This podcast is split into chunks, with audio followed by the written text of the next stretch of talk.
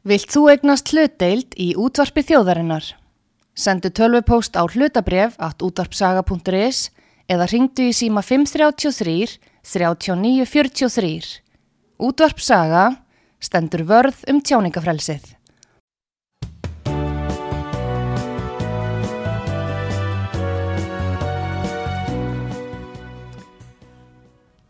Góðir hlustendur, þið eruð að hlusta á mentaspjallega útvarpi sögu. Ég heiti Valgerður Snæland Jónsdóttir og viðmælandi minn í dag er Guðni Olgersson, sérfræðingur í mentamálaráðanitinu og við ætlum sem sagt að tala hérna um bara eiginlega aðal námskrár liðina áratuga. Velkomin í þáttin, Guðni. Já, takk fyrir það, gaman að hitta aftur. Já, takk fyrir síðast. Heyrðu og hérna, við gerum okkar besta, við vorum að tala um það svona í tengslum við lægi sem við erum að spila núna rétt á þenn. Við gerum okkar besta, við gerum okkar besta. Við erum sennilega, eins og þú varst að segja, við erum áralega búin að vera að reyna að gera okkar besta bara síðustu hundra ár, minnst okkur ef ekki áður. Heyrðu, hvað segir um þetta? Já, já, ég, ég hel- held í raun og veru náttúrulega frá landnámi, bara og, og frá því löngu fyrir þann tíma, hérna, gömlu heimsbyggingarnir og gamla mentakerfið, er meina að þetta er næra þúsundur ára eftir tíman, en, en við erum kannski fyrst og aðeins að ræða hér á Íslandi svona um einhvers konar mentakerfi sem að er skipulagt ekki um að rétt rúmlega 100 ára gamalt. Og ég held bara að miða við tíman og tíðarandan og möguleikana þá erum en að reyna að gera sitt besta. Það er, getur oft verið svona brekkur að koma framförum áfram og, Já, og það er kannski, við förum kannski aðeins yfir það Já, það verður spennandi. sko, já. Heyrðu, þú, við vorum að tala um síðast. Hérna, hvað varst að tala um síðast hérna? Við vorum bara að ræða svona helstu stefnur Já. í mentamálum svona gegnum tíðina, hvað Já, svona já. ströymar hafa verið, hvaða skýslur hafa verið gerðar og Akkurat. svona megin breytingar Einmitt. almennt á kerfinu. Sko. Já, ég fengi mjög góð viðbröðsug. Það eru mjög margir sem hafa gaman að sögunni, skólasögunni. Þannig að hérna, hvað um að fara aftur núna? Já, ég, ég, hef líka sagt það, ég held ég að sagt það síðast að Já. ég er alltaf búin að vera að vinna í þessu mentakerfi og skólamálum eiginlega bara frá því að svona, ég var bara ungur strókur sko. Já, einmitt. og verið í mentamálaráðunetinu eða menta og menningar og núna menta og barnamálaráðunetinu Einmitt, og bara finnst það alveg óskaplega gaman að vera í þessu og já, að rasa svona í þessum samtíma, einhverju mótunstefnu inn í framtíðina. Einmitt. En mér finnst alltaf óa gaman að horfa líka tilbaka sko, að ég held að við getum lært oft svo mikið af sögunni og lært svona því sem að bæði eitthvað skonar því sem vel hefur gengið og, og það er bara einhvern veginn, þetta fer svolítið í ringi þessi menta umræða, þetta er ekkert eitthvað línuleg þróun sko. Nei, já, mér finnst einmitt bara, ég er bara rosalega stolt af því að hafa verið hérna þessi síðastlegin 50 ár og fengi að taka þátt í að hluta til á svona af gólfinu sem sagt í ákunnum hlutum sem hafa verið að gerast hérna síðustu áratugina. Bara mjög mikil forréttindi finnst mér. Já, ég, ég held að við höfum verið sko byggt hérna upp almenningsskólan svona síðustu halva öldina það má segja kannski að það sé ákveðin svona tímapunktur sem þú nefndir að það er hálfur öld fyrir Já. 1974 þegar Einmitt.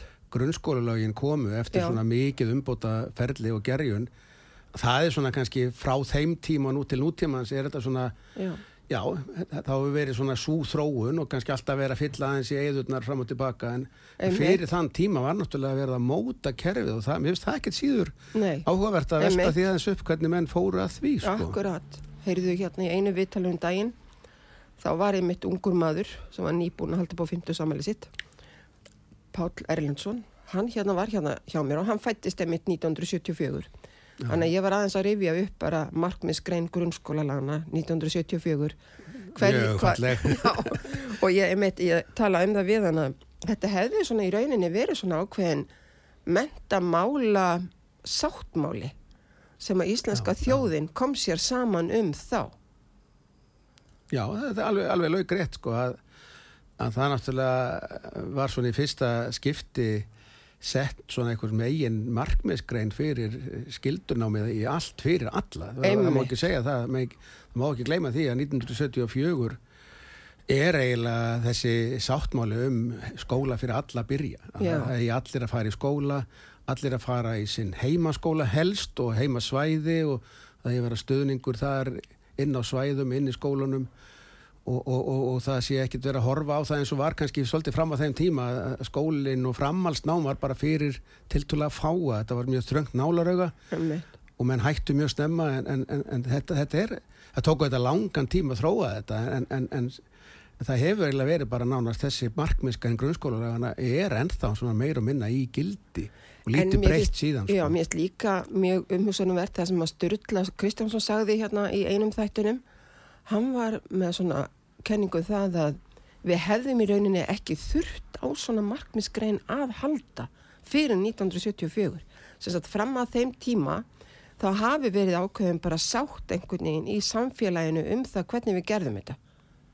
það held ég að sé ekki alveg rétt sko Nei. það, það, það er ekki, ekki alveg en, en, en hérna en sko það má kannski segja að hérna að það var komin auðvitað þá meir og meiri krafa um svona almenningsmentun og, og hún var auðvitað líka til hérna í byrjun þegar uh, ef við förum alveg til upphafsins þá, þá var líka svona sáttum svona barnafræðsluna svona alveg í byrjun 19. aldar að, að það ætti að vera fyrir alla skildunám Já, þannig, að- þannig, að, skildunám á Íslandi Já. byrjar sko samkvæmt fræðslulögum 1907, það er ekki fyrir Einmitt. 1907 sem að allir nefnendur eru skildaðir, öll börn eru skilduð í skóla og það Já. er ekki nefn bara frá 7 til 13 ára aldur. En það var hugsað samt fyrir öll börn á þeim aldrei. Jú, en það náði ekki alveg, sjóra börnin, það náði ekki alveg út í sveitinnar fyrst, sko. Þetta Nei. var meira fyrir eh, borgina, Já, en svona og bæina. 1920 og eitthvað svo leiðist, þá ná, 30, þá fór þetta ná Já, fyrir alla, það er að segja 7 ára upp í Já. 13 ára fyrir alla og þannig var þetta kerfi nánast alveg til 74, sko. Já, einmitt. Ég að- mitt eftir í hug núna skólinn á Eirabakka. Hann var svo snemma þarna til eitthvað fyrir Suðurlandi sannilega. Já, en ef, ef við svona hugsum aðeins um, um þetta að, að þá þá var eh, mikil degla í, í, í skólamálum á Íslandi hérna 880 til Já, 1900 og, og það, það má segja það að, að löngu á undan hafi verið tilskipanir um, um lestur og, og svona eitthvað skonar grunnadriði og, og prestarnir voru með eftirlit og þetta voru farskólar og eitthvað skonar heimakensla fóru þetta hættur að sjá um menturina og prestarnir komu hérna fylgdust með en, en það var engin sko lög á bakvið þetta og það voru síðan nokkri skólar sem komu og þeir eru sumir ansi gamlir eins og Voga skóli Já, Stóru einmitt. Voga skóli er 150 ára og Já, já. Eirabakka og, ýmsi skólar sem Já, eru til. Östubar skólinn reyndur setna en, en, en, en hérna það náðist ekki sátt um niðurstöðuna. Það þótti ófremdar ástand eins og maður hefur lesið, ég hef ekki lesið djúft um þetta en, en töldu stöðuna ekki góða. En ég er að hugsa þarna á árum áður, sko, fyrir íslensku fræðsliðin. Við erum hluti af Danmörku. Hvað tökum við þarna fyrir þennan tíma frá Danmörku? Af því að nú er náttúrulega skólakerfi vel uppbyggt í Danmörku og það er ímislegt í dönsku skólakerfi í dag sem ég skil ekki akkur við skildum eftir. Akkur tókum ekki með okkur ímislegt sem er þar. Já, ég get nú ekki alveg, er nú ekki alveg klára á því sko, hvernig, hvernig það var en, en, en kerfið á Íslandi sko, var svona bara það þróaðist eh, svona eftir einhverjum tilskipunum sem komið sér saman um þá hérna og þetta var, var, var, var hérna, dönsku yfirstjórn en það var, voru engin, engar stopnarnir, það voru engin Nei. fræðslumálastofnarnir eða, eða neitt slíkt í gangi og við Nei. vorum ekki með heimastjórn þarna þessum tíma en, en það var samt þessa, þessa tilskipanir um allir ætti að læra að lesa það ætti að vera heimakensla og það að vera eftirlit með því en það var ekkert svona enga línur lagðar um, þetta ætti að vera um allt land og, og, og það er kannski svona svolítið áhugavert svona því að við vorum held ég áðan að rifja upp bara áður við byrjuðum að tala um Guðmund Fimboðsson sem er svona kannski Já, einn af svona þessum fyrstu eh, skólamönnum sem að sem eh, hérna hann er nú fættur sko reyndar í 870 og hérna þrjú hérna norður í Þingæðsíslu og í svona fátæku eh, talaði um að hann sé hafi brotist til menta úr fátækt og, og fór síðan í lærðaskólan og náði eh, góðri engun þar til þess að hérna, geta farið í framhalsnám til útlanda og þá fórum eins og til Danmerkur mikið öllum þessum, það, það voru tengsli við við send, það voru svona embatismanna kerfi fór til Danmerkur og já, meirum en allir þessi frægustu svona hugsuðir eh, okkar og þjóðhetjur og skáld og mm. frumkvölar þeir voru búin að vera þar í námi sko, og, og það voru Já. reglur um að, að þeir fengi frítt á gardi sko, Já. þannig að við Danir sáu svolítið um að menta okkar Já, embættistjætt og, og, og, og Guðmundur Fimboðarsson hann fer hann í framhalsnátt til Kaupmannahafnar í Sálfræð og Heinsbæki og, og, hann er ekkert embættismann og sonur. Nei, hann er bara fátækur bóndasónur á norðan, sko, Já. braust til menta og mér finnst þetta svolítið svona áhugaverð saga að þarna Já. var þá mentakerfi Já. sem virkaði fyrir hann, hann fekk mentun, náði því þótt að væri fátækt og, og, og, og fekk stuðning og gatt farið í lærðaskólan sem var náttúrulega bara einn á landinu. Já, sem Hérna var í mentaskólanum í Reykjavík. Já, mentaskólanum í Reykjavík. Og, og, og, og þá lá, þegar menn stóðu sér vel þar, þá lá svolítið svona leiðin opin ef menn fengu stuðning og, þegar út var komið þá úr danið með stuðning sko. Já, einmitt. þannig, að- að hann náði alveg aðbras árangri í sínu mestaranámi og, hérna, og, og útskrifast 1901 og það er eiginlega svolítið þetta, ég veit ekki söguna bak við það, okkur hann var fenginn til að rýna í mentamálin en hann hafði hann var allan réttum aður réttum stað Já. og, og, og hann, sem heimsbyggingur og sálfræðingur. já, og með svona pælingar um ímislegt sem kannski var framsækið svona um hann var mikið að spekulara í áhuga kvöld og mm. sé, þessu hvernig samkend tróaðist og annað og, og síðan sko en, en, en hann fekk það verkefni og styrk frá alþingi Íslendinga og sér það hver styrkurinn kemur að, kemur að, að hérna ferðast á Norrlöndin og hann fer norð, um Norrlöndin aðalega Noreg og Svíþjóð og kannski eitthvað víðar. Já, og skrifar sem sé bók sem heitir Líðmentun sem kom út 1903 og, og það má kannski segja að Líðmentun, þessi bók sé svona fyrsta stjórnarskrá skólakerfinsins á Íslandi eða námskrá og lýsinga því hvaða fög að að kenna og hvernig eigi að kenna og, og, og þeir sem að, e, hafa verið að skoða þessa bók svona kannski bara alveg núna 100 ára, eitthvað rúmlega 100 ára setna verða svolítið hissa á því hvað hann er nútímalegur. Já, hann talar mikið um mikilvægi þess að að, að, að, að nefnendur sem sé hafi áhuga á því sem hann er að læra það sé reynda miða námi við þroskabarnana og námsefnið og, og, og svona eh, gríðarlega mikil pælingi í því að námið tengist áttagafræði, áttögunum, menn læri fyrst á það sem er nálægt að mjög þekkja Einmitt. og svo læra það sem þekki ekki og, og bæta við sig. Þetta er svona kannski ekki dósupu bara aðferðafræði og menn hafa verið að nota svona Danirnir hafa nefnilega verið mjög lengi sem sem tengdi þessu. sko. Já, þetta er líka sænska og norska kerfi sko, þetta er þessi, almenningsfræðsla og, og þetta var auðvitað komið mikið lengra á Norrlöndum skólamál heldur en hér Já. og, og, og menn voru með svona ákveðna pælingar í, í því hvernig ætti að að- sjá um almenningsfræðslu fyrir alla Einmitt. en, en, en þannig Guðmundur að skrifa inn í svolítið tómarum á Íslandi var engin lög til neitt, uh, Nei. þannig að þessi bók lifir svolítið góðu lífi bara enn þetta dag sem Já. svona, svona sín hans á hvernig skólar á eiga að vera og, Já. og það er ekkert þa- þannig að hans sé einhvern veginn hann leggur alls ekki mikla áherslu að fólk sé að læra eitthvað utan að það verður að vera skilningur á bakvið þetta og það er svona margt sem að Já. kemur fram í þessu en svo talar hann um þessi grunnfög og það er líka svona listrænt og, og söngur og annars líkt þannig að það er svona þessi almenningsskóli hann hugsaði hann svolítið breiðan sko fyrir alla Já. Og 1907 þegar að verða til fræðslulög. Já, ég meina- Hver á frumkvæða þeim og svona? Hvernig það gerist er, það? Jú, það kannski má segja að, að þegar hann er búin að skrifa þessi bók, Já. Líðmyndun, þá er hann beðin um að ferðast um Ísland og kanna hvernig er skólahaldið á Íslandi og, og, og halþingi styrkir hann áfrandi þess og hann skrifar sem sé skýslu 1904 eða 5 um bara skólahald á Íslandi Einmitt. Og það er engin deilt á bakviðan. Nei, nei, hann bara skrifar þetta fyrir alþingi hann er búin að skrifa þarna tvær bækur það annars vegar Líðmyndun um Norðurlönd Já. og svo skýrslu um skólahald sem er til uh, í því kerfið þar sem engin skólalög eru til að, og, og á grunni þessara tveggja skýrsna Já. er hann beðin um að skrifa lög um Já. hvernig eigi að gera skóla í Íslandi og hann, hann skrifar sem sé, þessi fræslulög sem alþingi samþykja síðan 1907 Já. Og ég hef ekki lesið þetta svo djúft það kannski að vita einhverju aðri betur en, en hann er svolítið einn í þessu. Hann er einn, einn að vinna þetta. Hann er ekki einhver nefnd með honum. Er, það er bara einn maður sem að, að gerir úttækt á skólahaldi á Norrlundum og Íslandi og, og skrifa svo lögin og, og, og alþingi bara samþykir þau og, Já.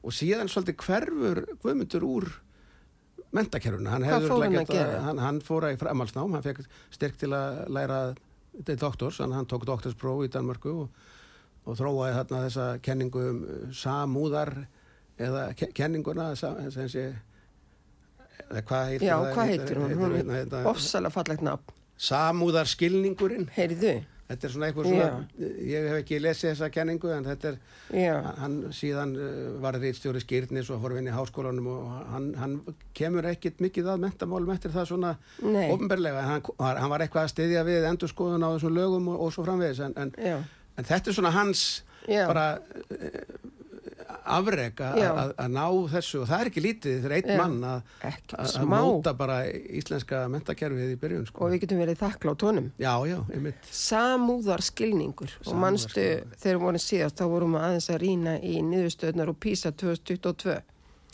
og þá sem sagt kemur í ljós að, að okkar börn koma l- hérna, ekki vel út á því sem heitir samkend í dag. Já, já. Allir þetta sé ekki svipað? Ég, er einhver skilningur á því hvernig svona, já, svona samskilningur millir Já. manna og, og, og, hérna, en, hann, hann er bara alveg til dæmis talar um í líðmentuninni sko þetta að, að mentun hún verða að ebla manneðlið í heilsinni Já. koma samræmi milli allstra líkams og sálar abla mannsins, þetta er svona fallega orðað. Þetta er alveg svo, að- og pilturinn var að tala um hérna um daginn. Já, Hann þannig, að það má ekki gleyma það er bara manneðlið og Já. mennskan og Já, mentun sko. Já, að hér er, ef ykkur heldur að hann hafi verið eitthvað Já, ekki hugsa um annað en, en, en, en, það hefur verið gaman hefðan haldið áfram í mentakerfinu sko. já, aldeilis. En þetta er svona fyrstu árin og Já, ég veit ekki hvað þú vilt sko, hvað, hvernig þú vilt fara yfir þetta en, bara hérna sem sagt eh, hérna 1907 þá eru enga, það er bara alþingi sem er að setja lögin.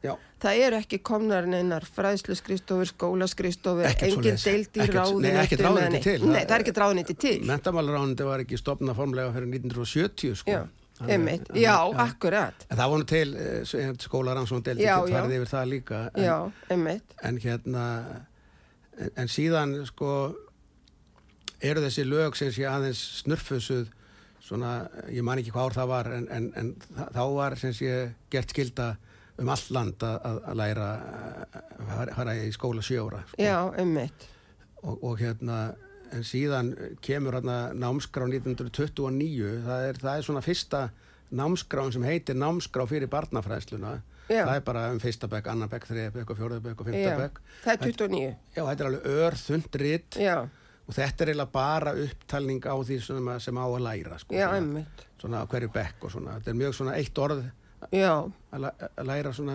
þannig að það er engi, þetta er bara lýsing á viðfangsefnum, Já, þetta er engin markmið. Þetta nær samt utanum Já. ákveði breytt. Þa, þannig er talað um til dæmis og Já. það talað um söng og það talað um listrana þætti líka, þetta er ekki bara Nei. bóklegt, kannski anda guðmynda Já, þetta var, hann náttúrulega var búin að móta þetta svolítið, Já, sko, en, en ég bara veit ekki nákvæmlega hvernig þessu var nei, staðið. en, ég er að hugsa sko, mamma var fætt sko 1917 í staðasettinni og þannig 29, já, og hún eh, upplifir farskóla sko, náttúrulega, eitthvað í kringu 10-11 voru hérna aldurinn sko, Já, já, og mamma er Já. fætt hérna 1934, eins og ég sagði síðast, hún er þá að vinna eftir, eftir þessari námsko. já, einmitt, þessari fyrstu, Já, 29, Já, hún man alveg eftir þessu með hann er og an- annars líkt, sko. já, En, en hérna, en síðan er- ge- gerist eiginlega mjög lítið í svona námskrármálum það voru, það voru svona búin til námskrá 48 sem var, var bara ykkur draugum og var aldrei lög, lög, lögfest sko. Ok, en, en það eru náttúrulega þessi, þessi merku lög hérna, sem eru bara bísna merkilega hérna, sem komur 1946 bara strax eftir stríðið ég meina eftir stríðið voru saminuð þjóðarnarstofnaðar og Já, alls konar alþjóðastofnanir en, en Ísland eh, setti ný fræslulög og það eru lög sem eiginlega voru eiginlega alveg óhögguð já, til 1974 já, það er nefnilega það. frá 46 til 74 hugsaði Já, einmitt, náðu, yfir hvað náðu þau? Bara barnaskólastíð Nei, bara þetta? Náðu yfir, yfir mentaskólastíð? Barnafræslustígið Já, og svo kallar miðskólastíg, Já. það er að segja gagfræðastíg sem hétt og Já. landspróf já, og, og, og héraskóla og Já. kennaramentu og Já. þetta náði yfir mjög mikið. já, Þarna var náttúrulega skilgrend sko, stóra verkefni þarna já, var landsprófið sko, það var svona, og barnapróf og landspróf, gagfræðapróf þetta var alveg þannig til að, til að ég tók landspróf 74 já, árið sem Já. strákurinn var fættur sem þú varst að akkurat, daginn að, að þá tek ég landspróf og, og þá, ég er nú búin að aðeins að skoða þessi landspróf svona, Já, ganna mínu en okkur. Já, og það er alltaf að tala um að þau hafi sára lítið breyst frá 46 til 74 já, þau voru mjög föst í forminu Einmitt. alltaf við sömu greinum Já, og alltaf eins uppbyggð eiginlega já, og þau, vo- þau voru fyrst og næst bara hugsu til þess að, að sko ná að, að taka nefnendur inn í mentaskóla Já, einmitt, inn í einmitt. svo kallar læriðu skóla Já. með þessa mentaskóla sem voru já, til einmitt. og meðan að, að, hérna, að, að, að frambarskólinn var ekkit hugsaður fyrir alla þá en, en, Nei, nei. en þetta var svona já, þetta var svona aðgreinandi og, og, og, og samkjafnispróf þetta var mjög er, erfitt próf Já, einmitt. Það var mjög stíft bóknáms. þetta var engöngu bóklegt Þetta var engöngu bóklegt. og það er eh, með, svolítið anstöðu við Guðmund Finnbúansson Já, sko. einmitt. Af því að árinu áður, já, eftir úlingapróf, þá hafði flokkast fólk. Þannig að þeir, við þurftum ekki nema úlingapróf sem Já. var árið á undanlandsprónu til þess að fara í yðinskólana og jafnvel í þriðabekk í Vestló og í rauninni þriðabekk kannski í MR eða MA. Það En var það sem var úlingaprófið. Já, Nei, maður þurfti náttúrulega landsprófið til þess að komast í en hérna mentaskólana.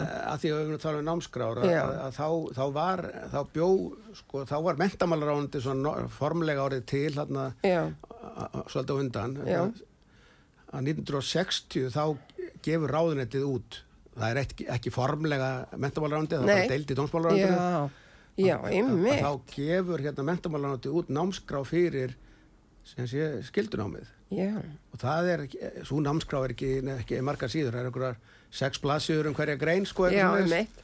og þetta er líka mikil upptalning í því sem á að kenna Já. og læra Mm það er engin svona sérstök markmið í þessu það er engin almennur hluti en, Nei. en þannig eru tímarnir, það er stilt Já. upp sko, hvað, hvaða tímar eiga að vera í hverja grein og, og þetta er svona eh, mjög, skýr námskrá svona, Ég held svolítið upp á hana. Já, þetta er svona, þetta er að mörguleiti svona þetta lýsir svona, auðvelt að sjá Já. hvað svona efni á að vera undir í skólanum Já.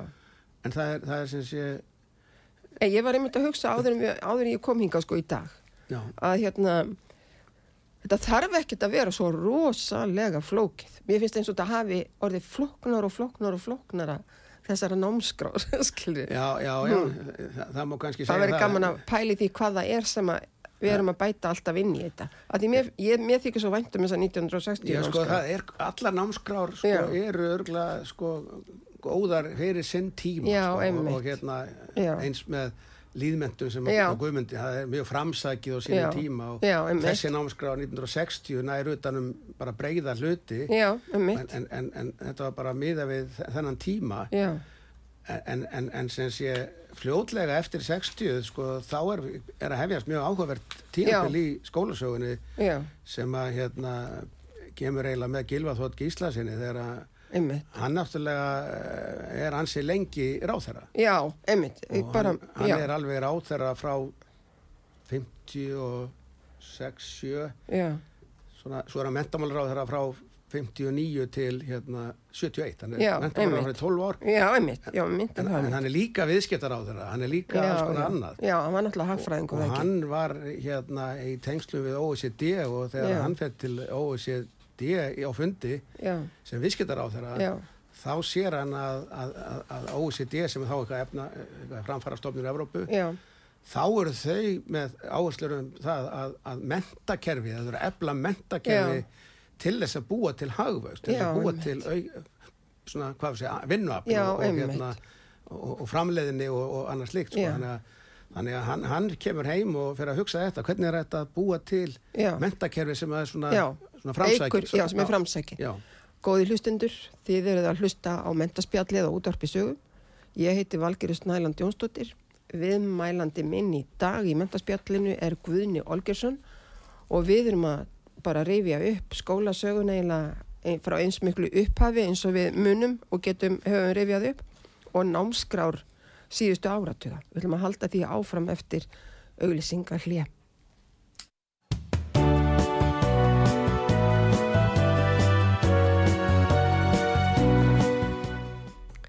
Góði hlustendur, þið verður að hlusta á mentaspjallið á útdorpi sögu.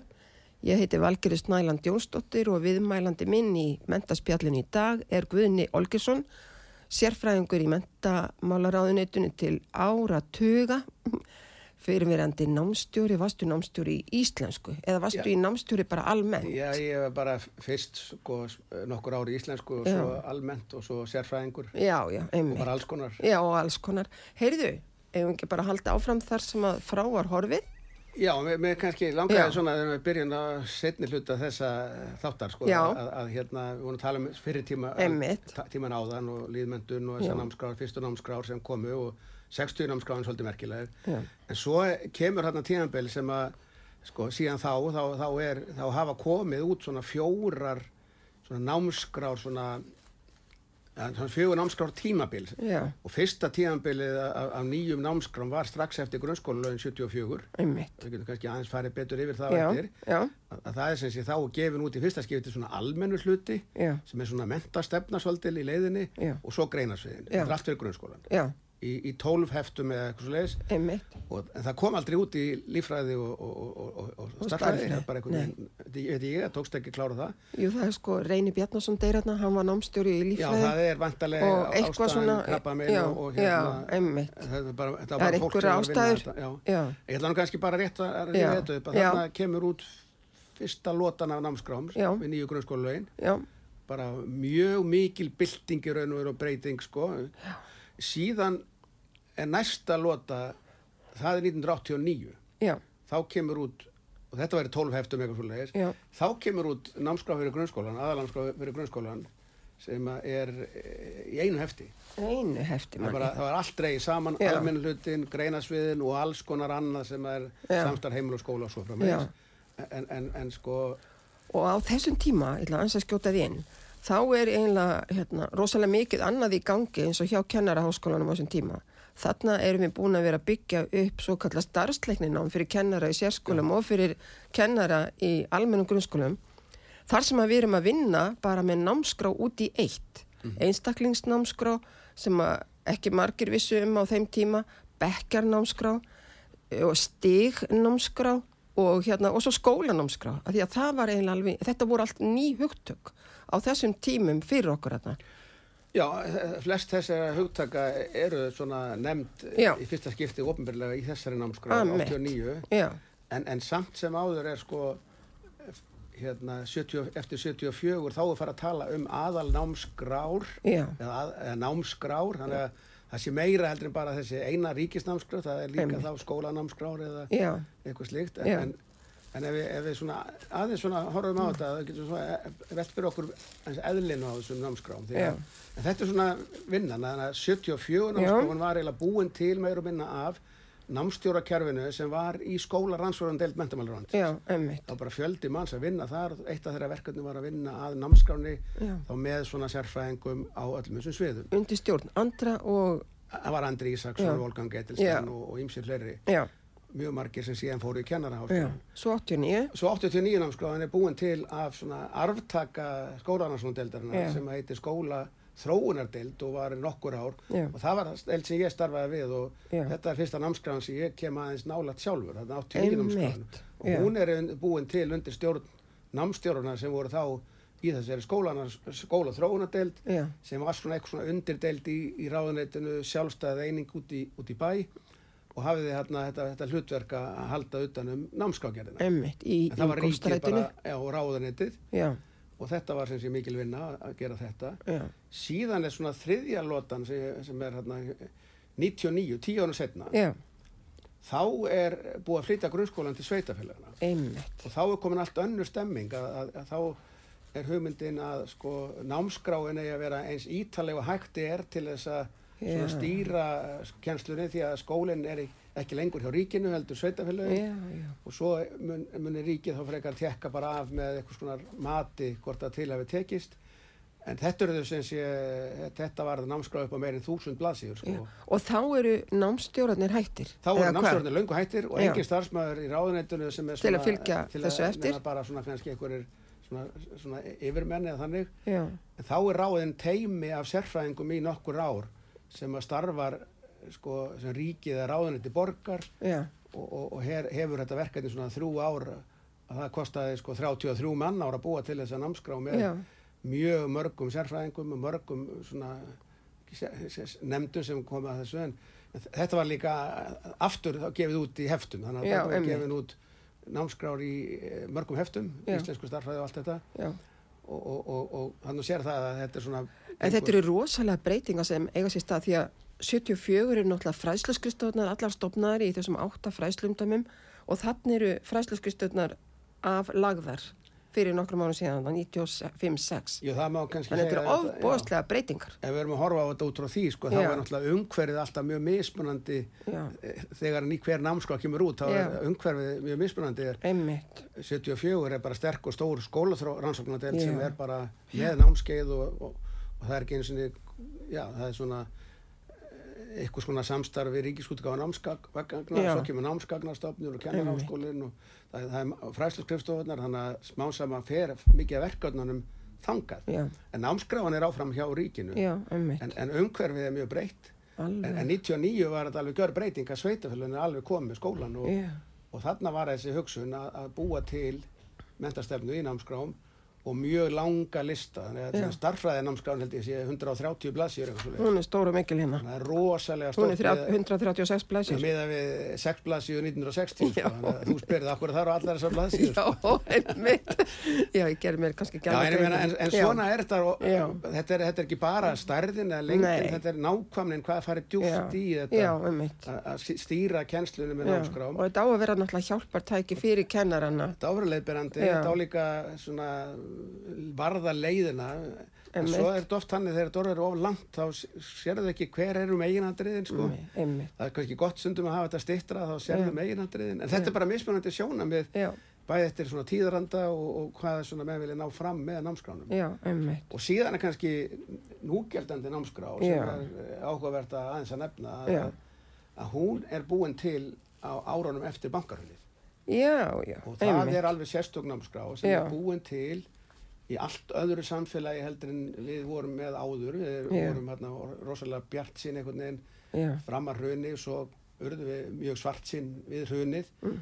og, og það eru haldnir þjóðfundir og annað og annað slikt, hitt og þetta.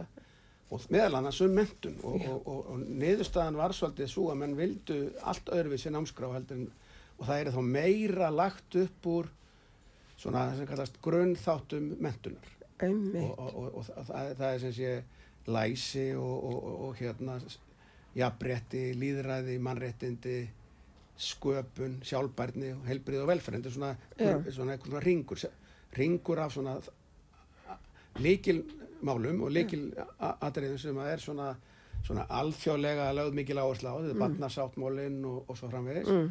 þannig að þarna er, er komin svona ný lína það, þannig eru orðin svona sameilegi grunnþættir fyrir öll skólastíðin, leikskólan og grunnskólan og framhaldsskólan og svo er farið að búa til hérna, sérstakann námskrá fyrir leikskólan og sérstakann fyrir grunnskólan og svo fyrir framhaldsskólan.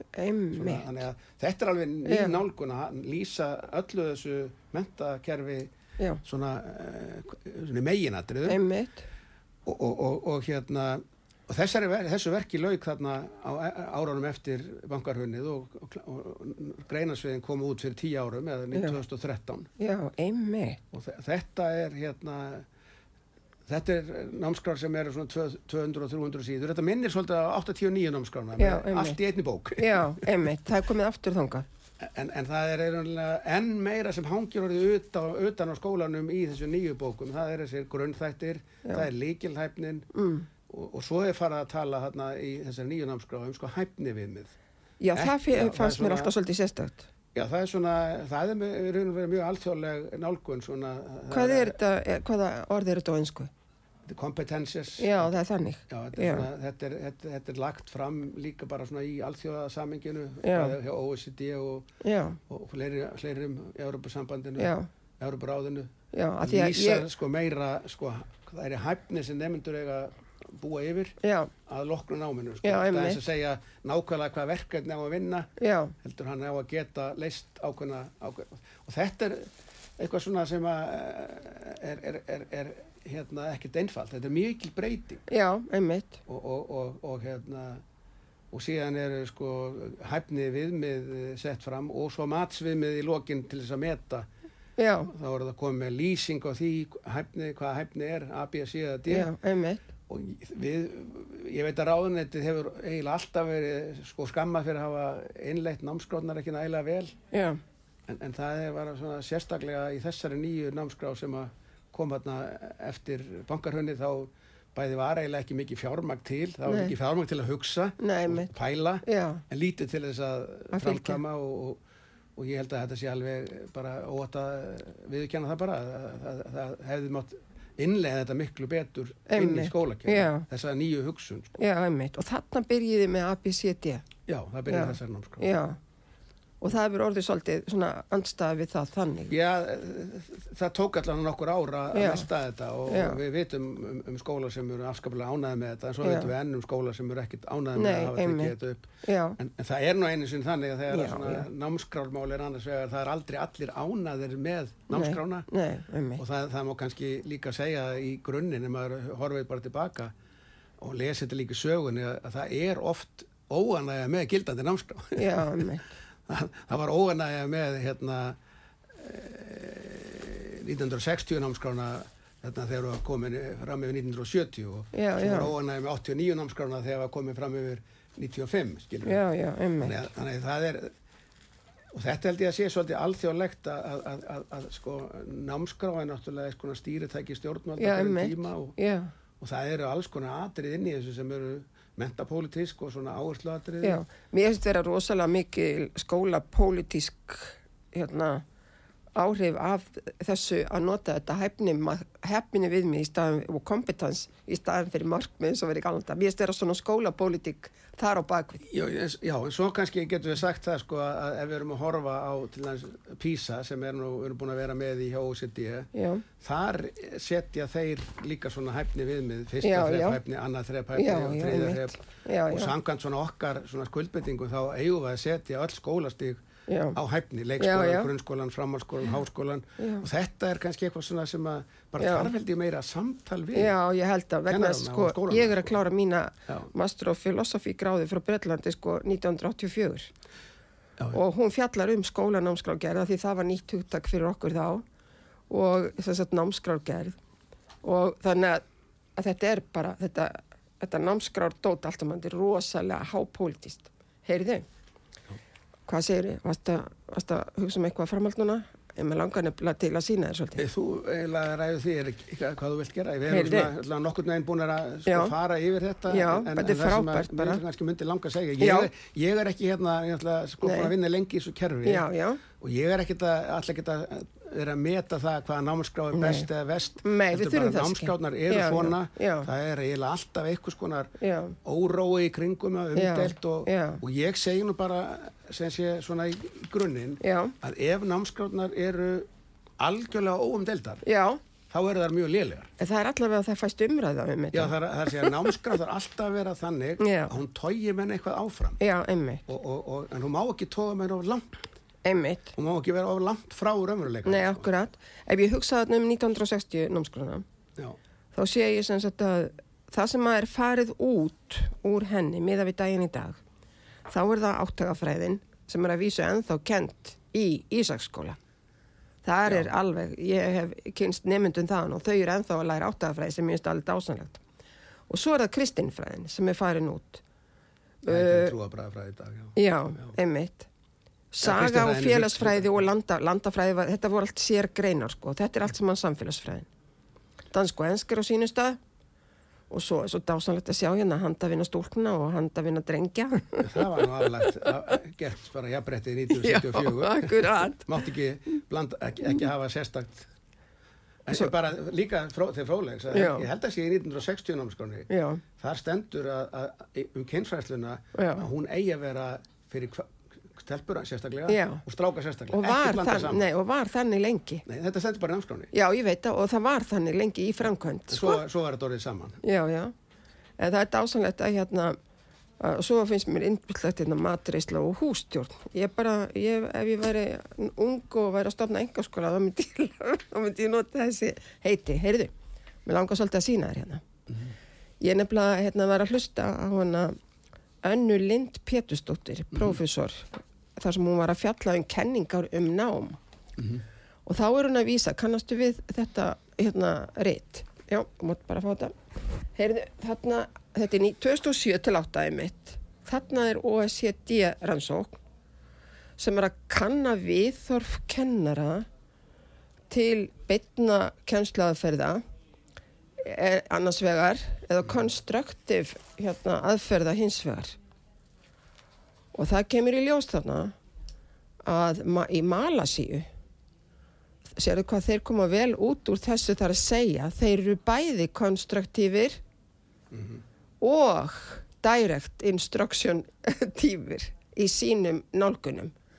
Ísland kemur þarna alveg í botninum þar sem er bara algjörlega aðgreint að sagt, við erum hérna, lægst í því sem heitir direct hérna, instruction Þetta er, þetta, er, þetta er hérna spurning um sko, Viðhorf, til, þetta er, þetta er spurning um viðþorf kennara Já. til kennslu nálgan eða aðferða eitthvað svo líf. Og það sem að ég bara þegar ég sá þetta og nú erum við búin að vera að tala um PISA og svona, sko, hérna, þetta eru löndin sem eru að koma best út úr PISA. Sem eru hér, sem eru að nota bæ, báðar nálganir. Eða er að segja, Já. kennararnir já, eru með jákvæð viðþór til beggja nálgana skilur bæði direct instruction og hugsmíðahíkunar.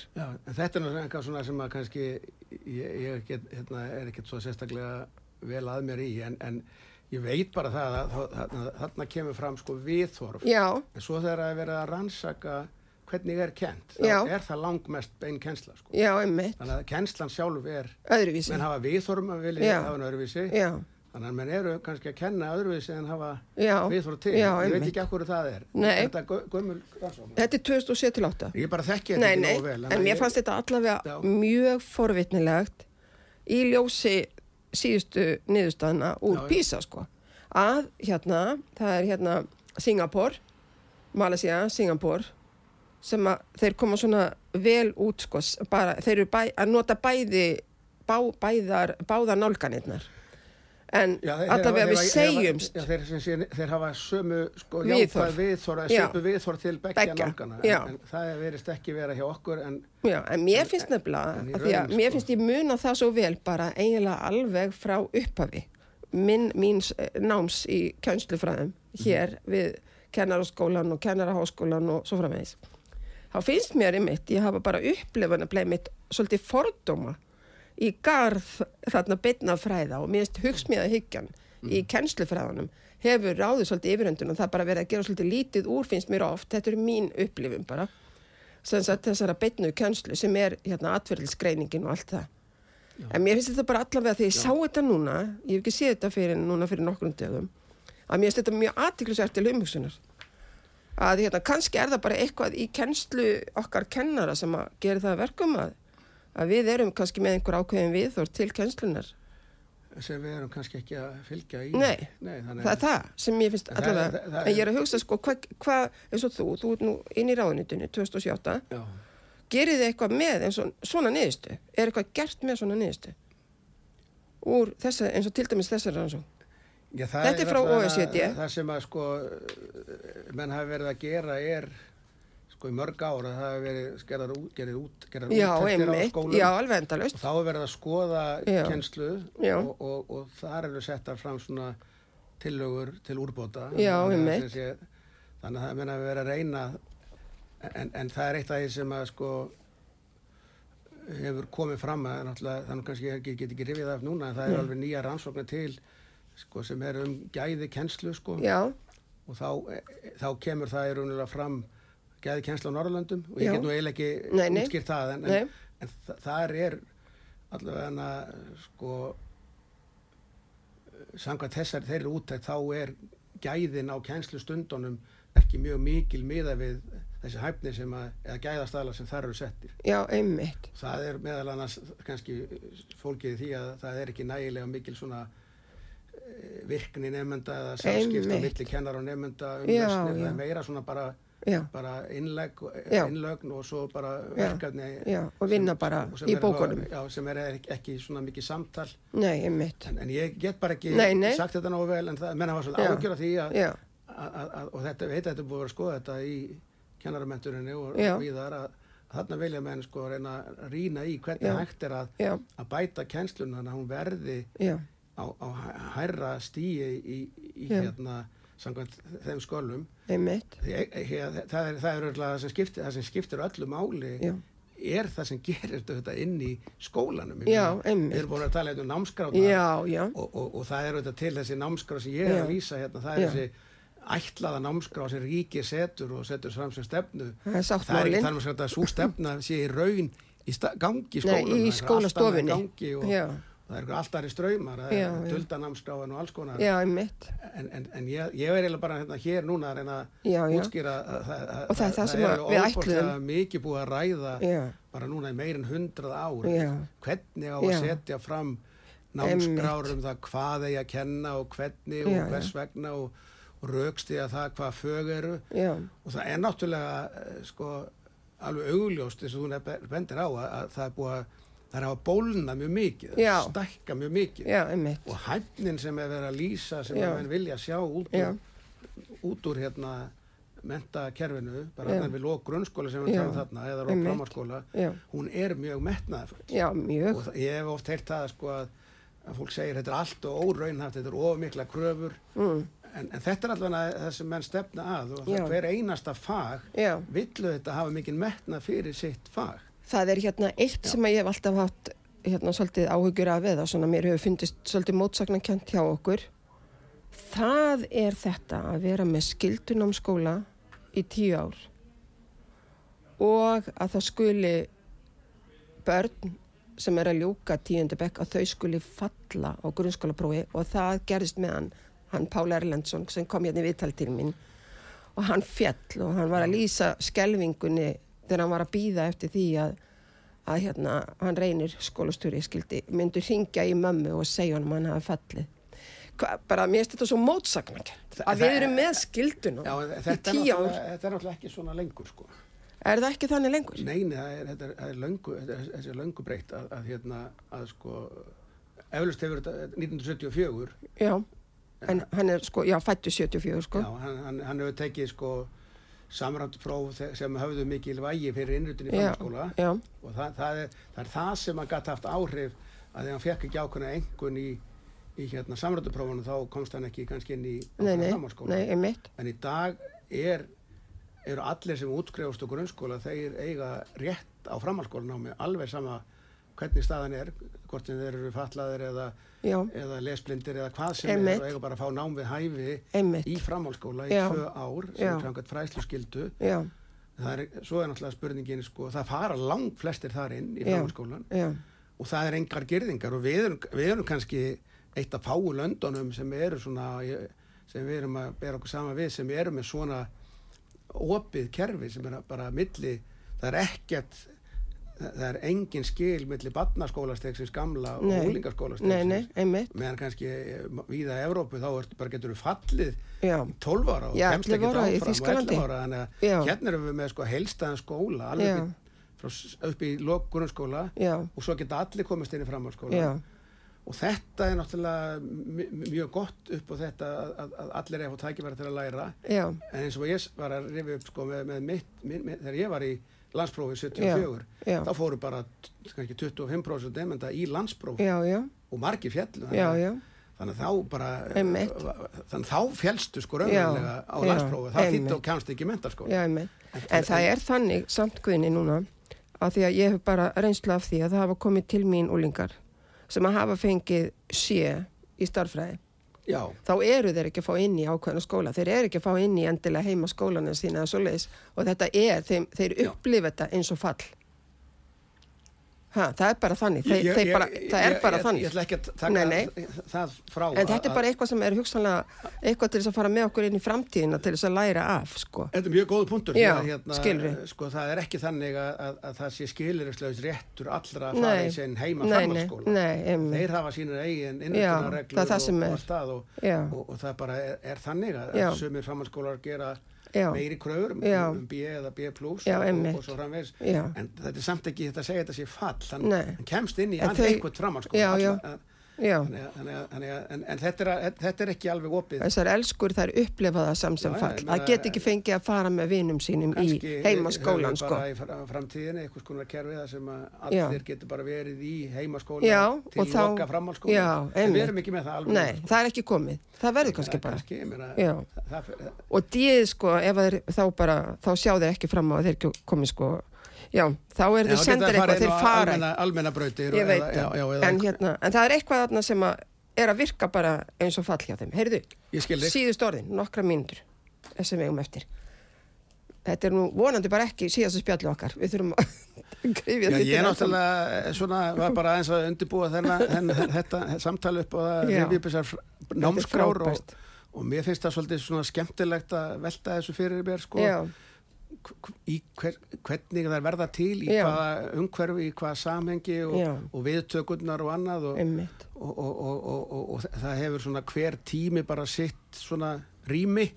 Og, og nútímin er núna eins og við segjum erum með námskrá sem er í endurskoðun núna. Grunnskóla námskráin er aðeins í endurskoðun, greinasviðin með svona og, og nú er það kerfi sem, sé, sem er haft að, að, að nýja stofnunum okkar, mentamála stofnun eða nýja stofnun miðstöðar mentunar og skólaþjónustu sem tók, tók við að mentamálastofnun tekur við að mentamálastofnun hún far svolítið meira vægi að halda utan um svona endurskoðun. Einmitt. þannig að þetta er að færast svona eins og hinga til hefur þetta verið mikið bara búið til. Annarkvort í deildum ráðuneytisins eða sk- eins og skólarannsónadeild, skólaþróunadeild eða ráðuneytinu sjálfu eða eitthvað svona verkefnastjóru sem ráðuneyti fær. Nú er bara komið stopnun sem að vonandi hefur þá eitthvað svigrum til þess að hafa halda, hafa, halda sé utanum námskrármál og, og svona hjálpa til við endur skoðuna því fyrir, fyrir rá, ráðunetti þannig að þetta er svona samstarf. Og svo er náttúrulega er eitt af það sem er, er alveg stöðut sko á, á, stöðu áskoran fyrir sko kerfið að það vilja eiginlega óbúslega margir koma fleiru að. Sko það vill eiginlega enginn taka neitt úr námskráni og ég veit að maður eins og Jón Torfi hann er Já. að tala fyrir því að það er margt annað sem gæti verið í þessari námskrá okkar. Þurft að fara þar inn og, og, hérna en þá er, er enginn tilbúin að benda eitthvað sem að fara út. Og, og þetta er bara erfitt þegar þú ert bara með ákveðin tíma fyrir krakkana. Við verðum einhvern veginn að finna út hvernig við getum sett stilt upp svona hæfni kröfur eða kröfur um einhvers konar mentun mm, og menn vilja breyða mentun Já. og, og, og menn vilja líka að, að mentunin sé svona búið til gott samfélag þetta sé líðræði og allt þetta í gangi og mannréttindin og ekkert einelti og, og eitthvað svona. Við viljum að þetta sé góði staðir. Einmitt, og það er svona hluti af námskránu að búa til þetta, þetta, þetta, þetta skóla bræin og annað. En, en það sem ég er að velta fyrir mér sko í þessu að að OECD hefur svona til dæmis bent okkur á eða bent sínum aðaldalöndum á það, það sé svona í námskránar á- hjá löndum er eiginlega alltaf yfir fullar þyrfti eiginlega aðeins að velta þessu upp. Að hafa eitthvað svigrum. já, ég meina það er bara ómikið í þeim. Of bólgnar. Og þetta er einu eilífa verkefni að finna eitthvað balans þannig að menn ná að lýsa þessu svona í, í, raun og eru er, er, hérna, er, námskrá hvers tíma. Hún er einhvers konar lýsing á því framtíða samfélagi sem menn vilja hafa. Einmitt, akkurat. það er eins og Vömundur Finnbúarsson var að lýsa sínu framtíðars samfélagi árið 1900 og núna er verið að lýsa þá framtíða samfélaginu sem við viljum að nemyndur fara í gegnum og, og með bara breyða hæfni og því miður þá náttúrulega kannski hérna er alltaf eitthvað sem að mætt gera betur og við erum ekkert endilega ánað með allt og við erum ekkert ánað með niðurstöðunar og, og písa og ég er ekki að tala um það Nei, nei. það, er, það segja okkur að sögu Já, og það þýðir það að, að, að, að það er bara mjög mikil áskorun fyrir hvert samfélag á hverjum tíma að, að menta börn þannig að þau getur verið góðir einstaklingar og, og hafa mikið samir og, og, og, og líka náðu þessi árangri á öllum mögulegu sviðum sko. og, og við, við erum alltaf samt svolítið þegar gæfu, gæfu annartöndi að við erum bara með óbáslega marga flotta einstaklinga sem að koma út úr sem mentakerfi okkar. alveg, ég tek undir það með þér. stefna Já. þeir ná öllum Já. þannig að þeir geti blómstrað Já, aldeilis, heyrðu, þetta, látum þetta vera að loka orðin. Kæra þakki fyrir kominu Guðni. Og í hlustendur, þið eruð að hlusta á mentaspjallið á útvarpi sögu. Ég heiti Valgerður Snæland Jónsdóttir og viðmælandi minn í dag. Hér hefur verið Guðni Olgesson, sérfræðingur í mentamálaráðanitinu. Ég þakka ykkur fyrir að hlusta, lifið heil. Ég kannski sagði ekki neitt.